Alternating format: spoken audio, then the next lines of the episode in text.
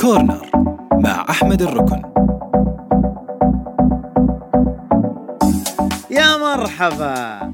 حلقة جديدة من بودكاست كورنر. خبر غريب.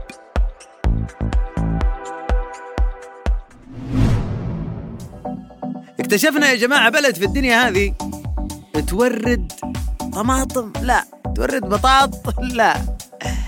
تورد سجنة. هذه الدنمارك يا جماعة أعلنت أنها وقعت اتفاقية مع كوسوفو أنهم يرسلوا لهم 300 سجين مقابل 15 مليون يورو.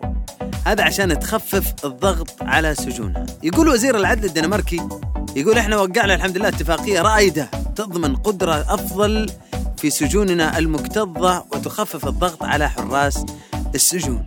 وأول المحتجزين وهم أجانب حكم عليهم بالترحيل بعد قضاء مدة عقوبتهم راح يسجنون ابتداء من مطلع 2023 في سجن جيلان على بعد 50 كيلومتر من بريشتينا عاصمة كوسوفو. وأكد الرجال هذا أنه من خلال الاتفاقية ترسل الدنمارك إشارة واضحة إلى الأجانب من دول أخرى واللي حكم عليهم بالترحيل مفادها مستقبلكم. ما هو في الدنمارك؟ بالتالي لن تقضوا عقوبتكم فيها. قالوا إيش يعني؟ عصفورين بحجر.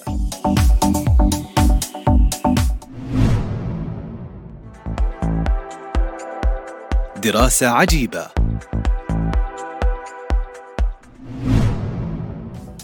هذه الدراسة يمكن لو ركزتوا شوي يا جماعة راح تلاحظون إنها فعلية من جد حاصلة يعني. حولنا حوالينا راح تلقاها تخيل إنه 80% من الناس يشوفون صديقك المقرب يشبه لك. حتى لو ما بينكم شبه.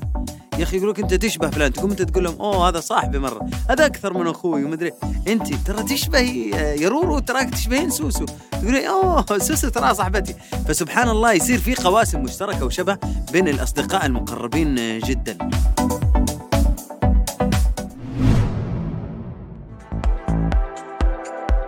دراسة.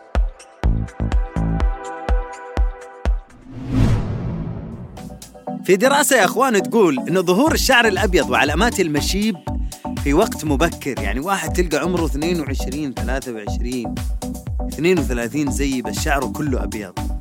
يجيك واحد يقول لك والله شيبت. الثاني يقول لك شوف إيش عندك؟ من ماخذ عقلك. طلع اليوم في هذه الدراسة أن ظهور الشعر الأبيض وعلامات المشيب تدل على ارتفاع كبير في مستوى الإدراك والمسؤولية عند الشخص. وممكن تكون علامة على الصحة الجيدة كمان. يعني شعرك أبيض ومشيب يعني صحتك أحسن من هذاك اللي شعره ما شاء الله مو راضي. يشيب تضحك؟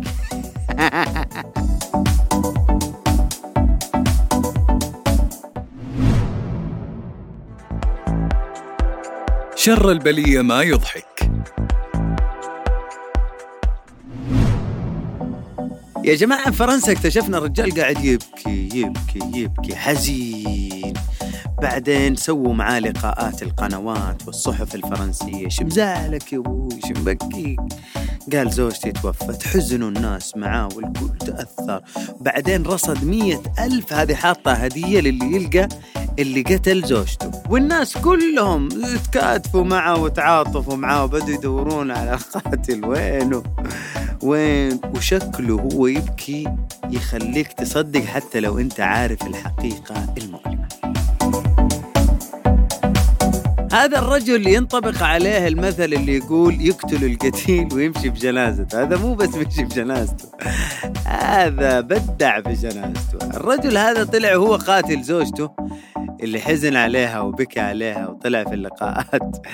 يقول حسبي الله ونعم الوكيل وبعدين رصد هدية لمن يجد القاتل. حسبي الله عليك.